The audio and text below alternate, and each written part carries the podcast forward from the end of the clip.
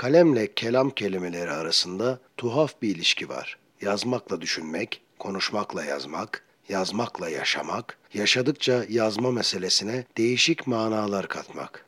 Kalem hangi elde tutulmazsa o el günaha girmez.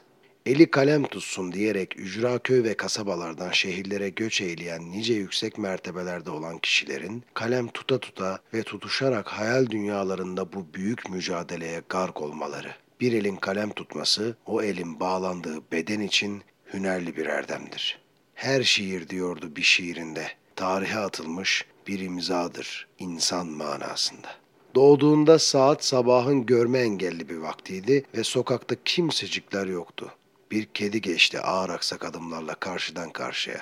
Tül perdenin arkasından başörtüsünün içinden sokağa bakıyordu annesi. O da annesini emiyordu. Emdikçe tüketiyordu.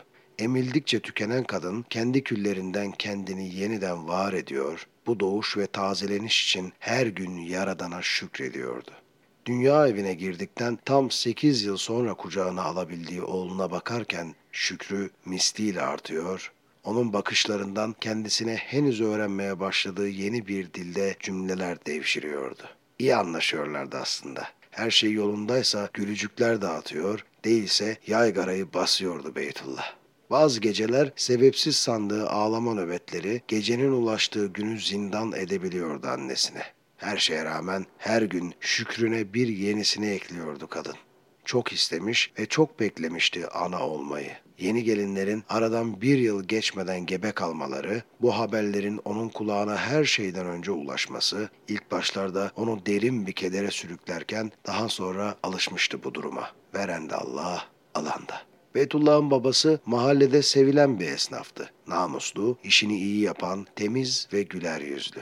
Bir mahalle eşrafının esnaf kriterlerine tam anlamıyla uyan bu adam her sabah namazdan sonra tekrar uyumaz, sabahın erken vaktinde ağzında besmelesiyle evden çıkar, mahalle kahvesinde iki bardak çay içer, diğer esnaflarla sohbet ettikten sonra dükkanını derin bir teslimiyetle açardı. Ekmek teknesi adını koyduğu iş yeri onun için bir mabetten farksızdı. Biliyordu ki şeref, onur, namus, sadakat ve temizlikle yapılan her iş bir nevi ibadetti. Adının anlamını öğrendiğinde 7 yaşındaydı Beytullah ve teolojik meseleler hususunda pek bir bilgisi yoktu. Aile içerisinde sıklıkla adı geçen Arapça kelimeler onun henüz soyut şeyleri algılayamayan beynini allak bullak ediyordu. Sonraları merak etmeyi bıraktı zaten çocukluğunu yaşamaya karar verdi. Mahalle maçlarında forvet oynuyor, gol üstüne goller atıyor ve adet üzere ismini kısaltıp Beyto kısa adıyla ünlüyordu arkadaşları onu. Beyto vurdu, gol oldu. Yağmurlu bir hafta sonu yine bir mahalle maçında futbolun mevsimi yoktur. Takımlar kurulmuş, takım kurmanın mevsimi yoktur. Kale seçimi için yazı tura atılmış, her mevsim atılabilir. Eğer ucunda ekonomik bir geliri yoksa kumara girmez.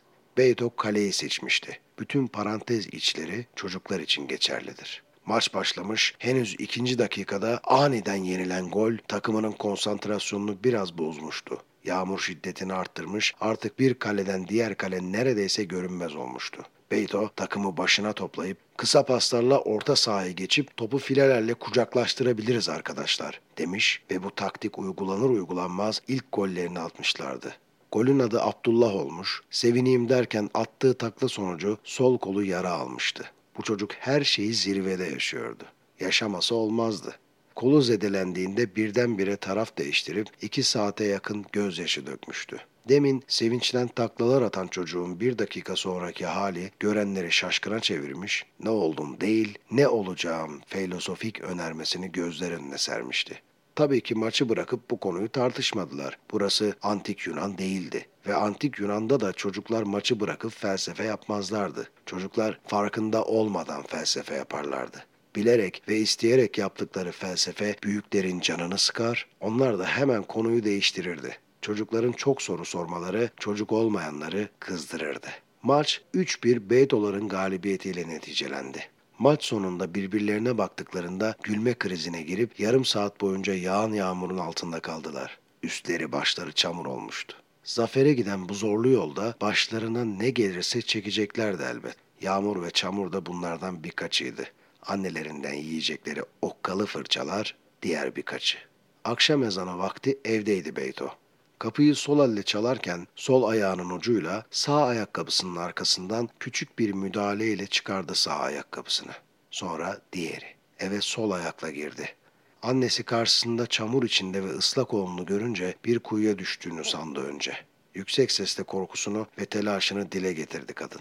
Evlerin birbirine yakın olduğu sokaklarda kadınlar her türlü duygusunu yüksek sesle dile getirirlerdi çünkü. Kimsenin gizlisi bir diğerinden saklı değildi.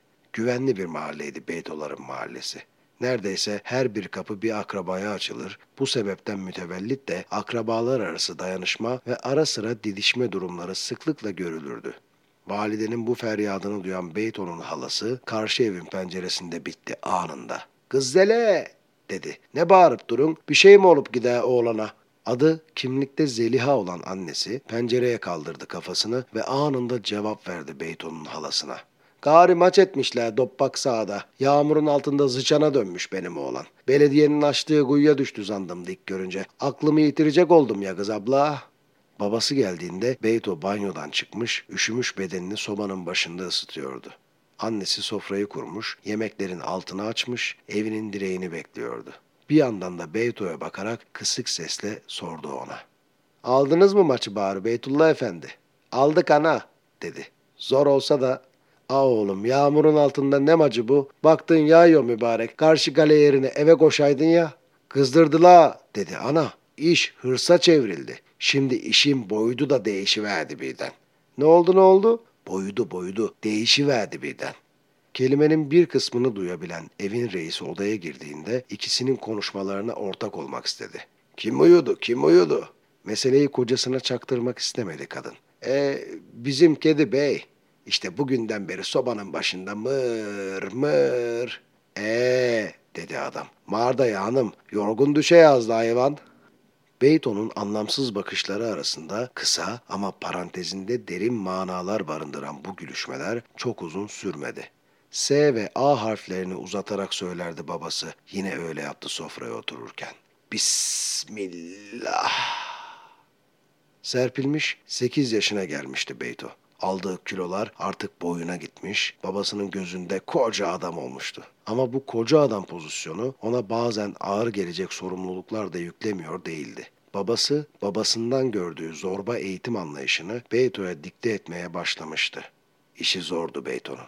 Sorsan çocuktu. Lakin babasının gözüne bir türlü giremeyişi onu zorlu bir sürece doğru götürüyordu. Mesela bir gün Kur'an'dan bir ayet okumuş, manasını sormuştu Beyto'ya.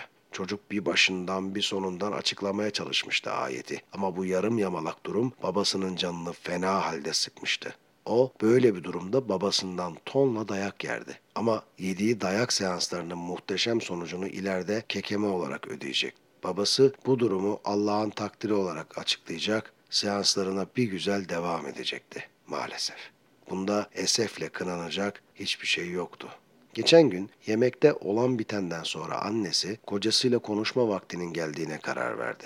Evladına yapılan bu psikolojik şiddet Zelen'in zoruna gidiyor, bu gidişata bir son verebilmenin çarelerini düşünüyordu kadın. Biraz fazla olmadı mı verdiğin tepkiler? Ne fazlası be, az bile yapıyorsun. El gada çocuktan ne istiyorsun sen Osman Efendi? He, el gada. Güççüsün de cebime... Tövbe estağfurullah. Hiç boşuna alma kurban olduğum ağzına. Sen de az biraz Allah korkusu olsa. Eh yeter be. Sanki bir şey olmuş gibi.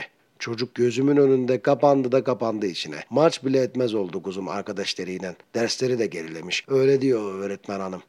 Geçen eve kadar geldi kadıncağız. Bir şey diyemedim gari. Ama andolsun Osman Efendi. Böyle etmeye devam edersen eğer tüm köye reklam ederim seni. Çocuğun elini arkadan bağlamak da neymiş görürsün o zaman.